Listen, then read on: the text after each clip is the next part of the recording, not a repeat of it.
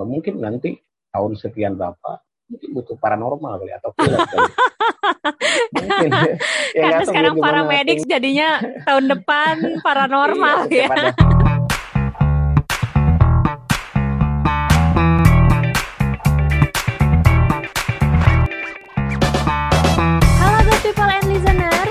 lagi bersama saya Rizka Ritvi yang akan menemani waktu mendengarkan teman-teman semua di mana pun berada.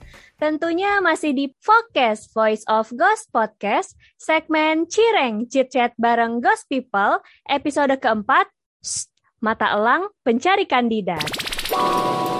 Oke, Ghost People, malam ini kita masih dalam kondisi PPKM dan akhirnya mengharuskan kita untuk podcast dari rumah masing-masing lagi. Dan kali ini Rizka bersama dengan salah satu ghost people yang kalau lihat yang bening-bening, lihat yang potensial nih, jago nih. Langsung aja kita sambut Mas Rio Pasti. Halo Mas. Halo juga Mbak Rizka. Apa kabar Mas Rio? Sehat-sehat di rumah? Alhamdulillah, sehat-sehat. Alhamdulillah. Hari ini WFO atau WFH nih Mas? Hari ini kebetulan WFH. Kalau kemarin WFO. Oh iya ya kemarin karena kita habis audit ya Mas ya kita ketemu audit, ya. kita ketemu di kantor. Aduh sejauh ini gimana Mas WFH-nya lancar atau jadi bagi tugas nih sama istri gitu buat ngurusin anak? Ya sama-sama lah jadi ada pekerjaan yang dikerjakan di rumah sampai lain WFH juga jadi ya ya ikut pekerjaan rumah juga jadi ikut mantau juga di rumah. ya hampir hampir setahun ini. Jadi berbagi peran ya Mas ya? berbagi peran. Ya, Alhamdulillah. Udah pada vaksin juga sih program. Wih, sebagai masyarakat Indonesia yang taat pemerintah ya Mas ya? Warga Indonesia yang, yang baik. Gratis, ikutin aja. Ah, itu mumpung gratis ya Mas ya daripada uh -uh, daripada nanti disuruh yeah. vaksin tapi bayar ya kan PR juga. listeners, jadi kita mau ngomongin soal Mas Rio. kita mau Gibah, gibahin diri sendiri. Iya, gibahin diri sendiri. Aduh, jadi kita mau ngomongin soal rekrutmen nih. Ini adalah bidang ya. keahliannya Mas Rio. Kalau boleh tahu Mas, di bidang rekrutmen tuh udah dari kapan sih Mas? Dan boleh tahu nggak sih kayak sejarahnya kenapa akhirnya jadi kerjanya sebagai seorang rekruter gitu? Basicnya memang dari uh, manajemen juga sih, dari SDM juga Hmm. Terus akhirnya sekitar tahun 2012 itu gabung di dunia outsourcing juga. Nah, itu rekrutnya sudah masuk ke dulu masih hunter ya, dua tahun kemudian pindah ke Ghost di 2014. Nah di situ mulai terlihat lebih fokus klien juga lebih banyak, tuntutan untuk pemenuhan juga sangat tinggi.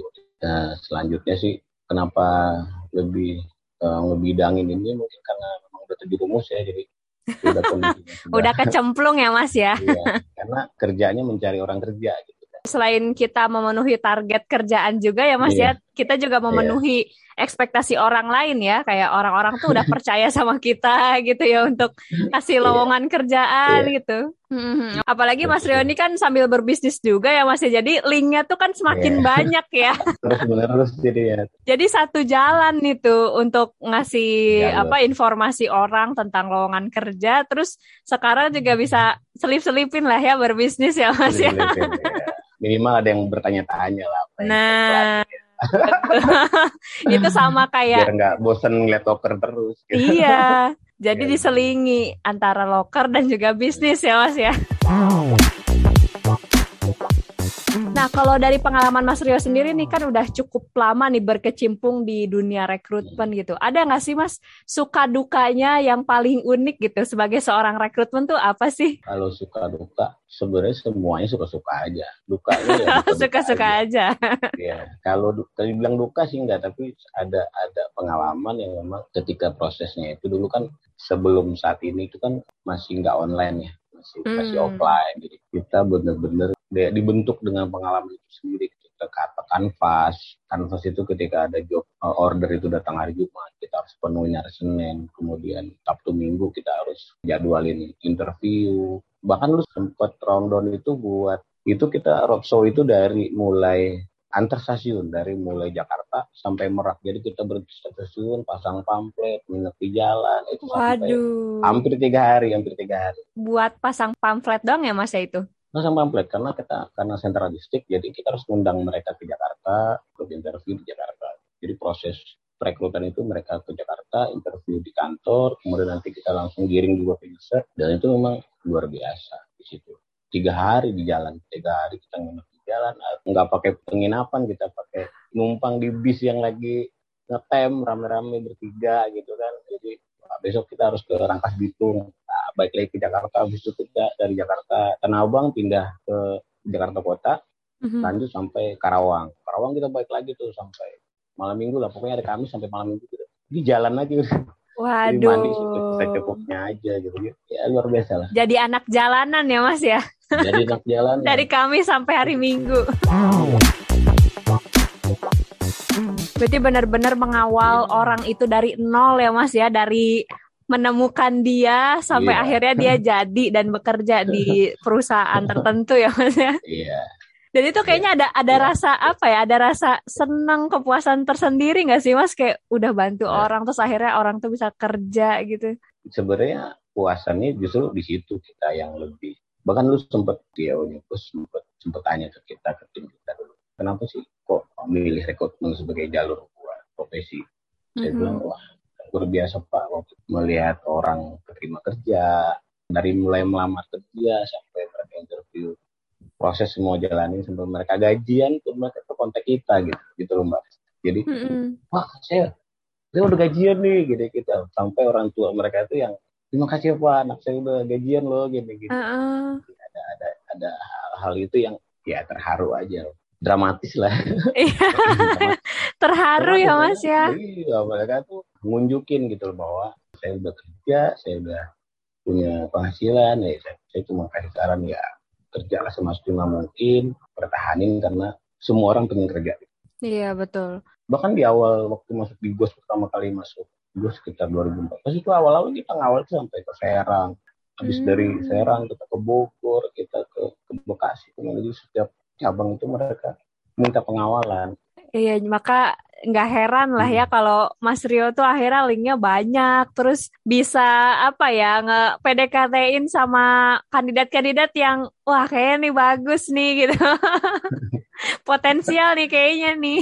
Potensial ya. ya. Mungkin ini kali feeling aja kali. Betul betul karena pengalaman Mas Rio juga di bidang rekrutmen kan sudah cukup lama jadinya ketika insting yang main nih kayak wah kayaknya yeah. nih orang bisa nih gitu. ya, mungkin bendanya lebih benda hidup ya. Iya betul bisa, betul.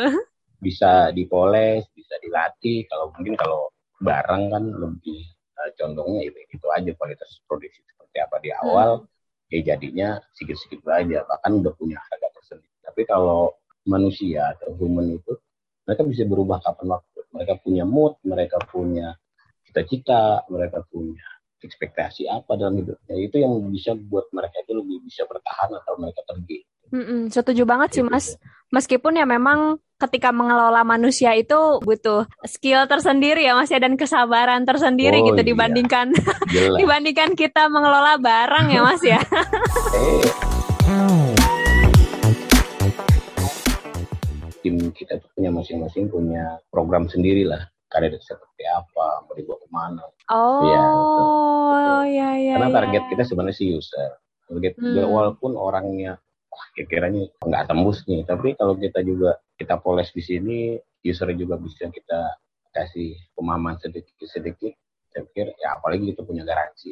Garansi 30 hari ya. 30 hari itu satu sudah lepas. Artinya apa? Artinya dalam 30 hari ini user ini atau mungkin di internal sendiri ya mereka punya waktu 30 hari untuk uh, menggembleng atau untuk memberikan job desk job desk atau perintah kerja yang yang akan dilakukan oleh timnya dia.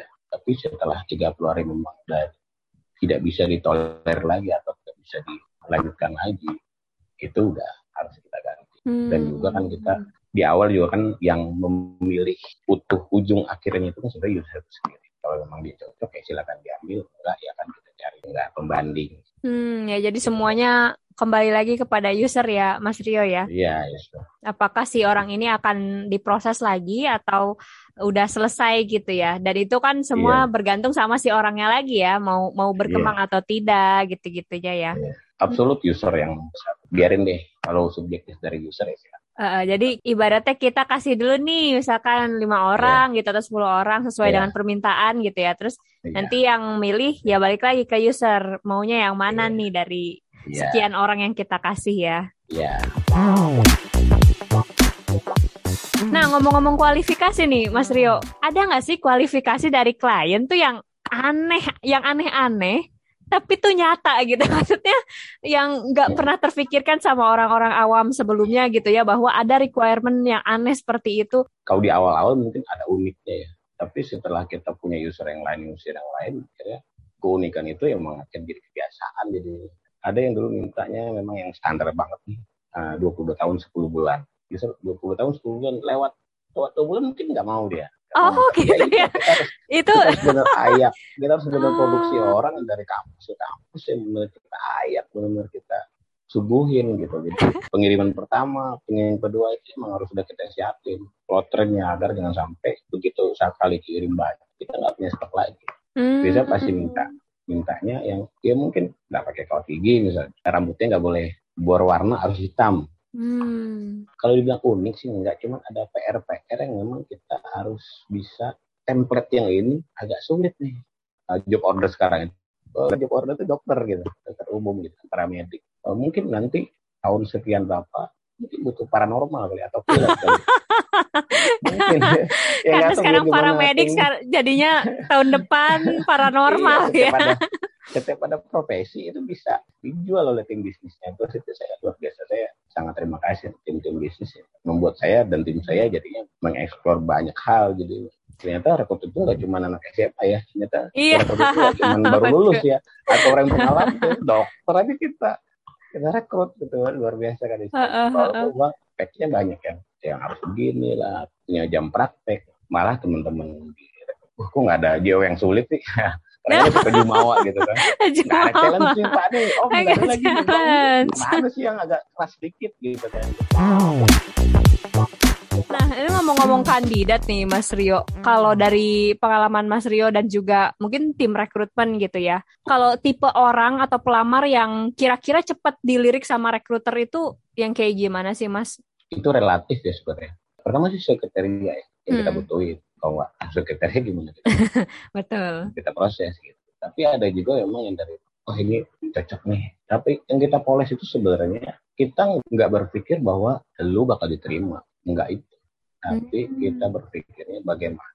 Bahan-bahan yang ada ini kita targetin bekerja. Dia harus ikutin prosesnya. Boleh dibilang nih dia sudah memenuhi syarat. Tinggi badan pendidikannya mungkin pengalaman satu tahun dia fresh dulu. Belum mendekati deh. Psikotes juga udah oke. Okay. ada part lain ya. Mungkin saya bilang bukan part lain itu utama banget niatnya dia sama restu orang tua sama doa karena memang sebelumnya yang orang-orang inilah yang akhirnya lebih cepat jalurnya lebih lebih patas gitu. Lebih, hmm. lebih ekspres. Dari niat iya. itu tadi ya mas ya? Iya ini. dan kerasa itu ya di rekruter di rekruter oh, tuh kerasa. kerasa ya oh yang faking Karena sama yang benar-benar niat itu tuh kerasa ya. Yeah. Yang bohong-bohongan sama yang beneran. Iya kan ke seleksi sendiri sih. Ya bahkan waktu itu saya punya pekerjaan ngerekrut untuk manajer saya sendiri. Iya iya iya. saya ngerekrut gitu. Ya, saya punya uh, pekerjaan yang merekrut atasan gitu ya. Uh, uh, uh.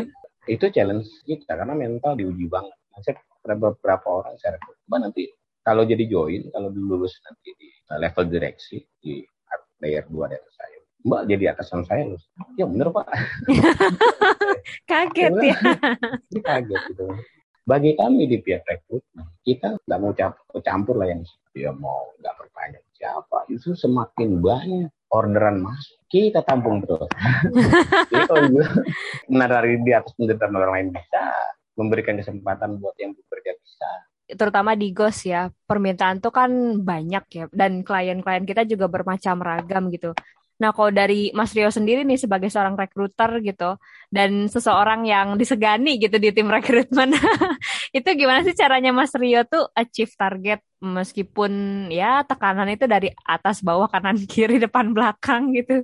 kalau di tim kita tuh kita bagi klien kalian punya strategi masing-masing ya, yang memang dia doang yang bisa jalan karena setiap manusia di Rexo itu berbeda-beda cara beda-beda-beda karena nggak bisa oh. saya pakai harus tipikal saya seperti ini mm-hmm. uh, tim saya seperti ini seperti ini. Enggak mereka punya kualitas mereka punya karakter maupun dan mereka punya strategi yang memang luar ya? biasa. Ya? jadi ketika dia punya achievement yang bagus dia punya ini udah itu udah sah udah wajar banget. Karena memang triknya bagus. Dan itu nggak bisa kita jalani. Dia punya itu gitu. Poin-poinnya sih komunikasi. Bagaimana follow bagaimana kalau mau target gue mau keren bagus ya. Rajin aja follow up user tanya ini GO masih berlaku apa lebih teknis itu sih. Hmm. kalau untuk secara garis besarnya sih ya banyak banyak pasang iklan. Pasang iklan banyak otomatis. Kans untuk dapat data juga banyak walaupun kadang-kadang yang lama si A si B si C teman-teman kita juga ya giring aja terus. Digiring aja pada itu harus digiring. Ya emang itu kerja sehari-hari bakal cara bekerjanya iya bisa baju Jumat Sabtu Minggu masih ada yang kontes. Oh, hmm. jadi kalau rekrutmen tuh Sabtu Minggu masih tetap kerja ya Mas Rio ya? Kadang-kadang kan Wow. Kadang-kadang ada ada ada grup bisnis itu yang mintanya Senin. Mm -hmm. Ada mm -hmm. juga yang Mas maaf saya baru dapat informasi jam 6 sore besok Sabtu tolong dihadirkan ya. Saya bayangin Wah, dong kita juga kalau mau nyalain siapa siapa juga sulit kan iya oh, betul bisa begitu ya bang gue juga baru dapat cover gitu gitu ya akhirnya ya oke oke sih gitu emang gitu kita jangan sampai ngurangin effort betul gitu. Jadi memang harus ada kerjasama yang baik ya Mas Rio hmm. antara rekruter, uh, orang yang mau melamar kerja dan juga yeah. dari user ya. Banyak pihak, banyak. Banyak pihak. Banyak pihak terlibat. Iya banyak pihak terlibat untuk untuk ngulesin satu anak itu banyak. Iya. nah itu dia. Mungkin dari mata rekruter wah kayaknya ini cocok nih kandidat ini gitu yang dibutuhin sama user. Eh pas masuk ke user yeah. ternyata bukan dia gitu ya. Jadi betul-betul banyak yeah. campur tangan orang di sini. Banyak banyak. Karena kita tuh sebenarnya ya isinya aja.